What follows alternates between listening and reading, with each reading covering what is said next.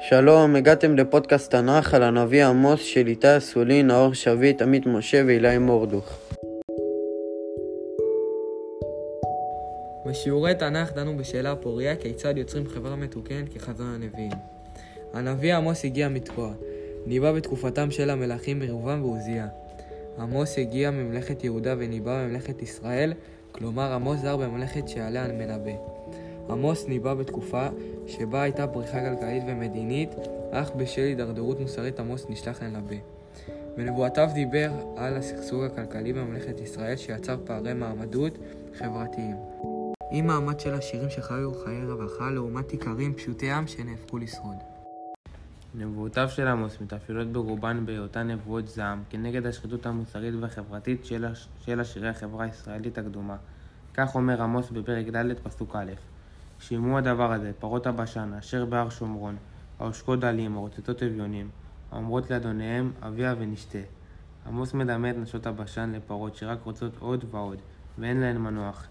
נבואות עמוס הן בעלות מבנה קבוע. בתחילה, מוכיח עמוס את העם על החטאים שחטאו, ואילו בחלקה השני של הנבואה, עמוס מנבא לעם אודות העונש הצפוי להם, על חטאיהם ועל קלקולם המוסרי. עמוס גורש ליהודה כי נבואותיו לא מצאו חן בעיני ממלכת ישראל. משם הוא חזה בהתגשמות נבואותיו עם חורבן ממלכת ישראל. הנביא עמוס קורא על שלושה פשעי ישראל ועל ארבע לא אשיבנו. עמוס מתאר רשימת חטאים הנוגעים לקלקול החברתי והמוסרי של העם.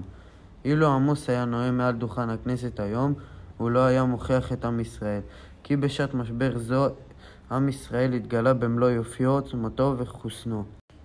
אנו סבורים שאם עמוס היה מדבר כיום, הוא היה אומר שיש התנהגות טובה של האזרחים אשר מבודדים את עצמם, ושל אלה שעוזרים ותומכים במי שצריך עזרה.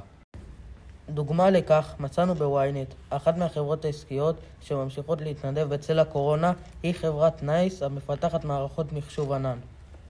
בסיוע עמותת רוח טובה, ביצעו עובדי החברה מגוון התנדבויות שכוללות שיחות טלפון לקשישים להפגת בדידות, סיוע משפטי לנשים, חונכות מקוונת לנוער ועוד. העובדים נרתמו גם לשלוח משחקים ולהפות עם משפחתם עוגות לחלוקה לפנימיות ולבתי אבות. אחת הפעילויות הייחודיות שהתקיימה היא שעת סיפור וירטואלית לילדי העובדים בשיתוף המיזם החברתי האחיות של דודו. אני חושב שהיו כאלה שבאמת עזרו, אך מנגד לאותם אזרחים שעזרו יש אזרחים שמפגינים, מתקהלים, לא שומרים על ההנחיות, טסים לחו"ל ומתנהגים כאילו אין קורונה ומסכנים את כולם. למרות כל ההתנהגות הטובה של עם ישראל, אנו החלטנו החלטות שגויות שהזיקו למלחמה בקורונה כגון הבחירות לעשות סגר שני במדינה ועוד. לסיום, אנו מקווים שנהניתם מפודקאסט זה. על הנביא עמוס, נתראה בפודקאסט הבא.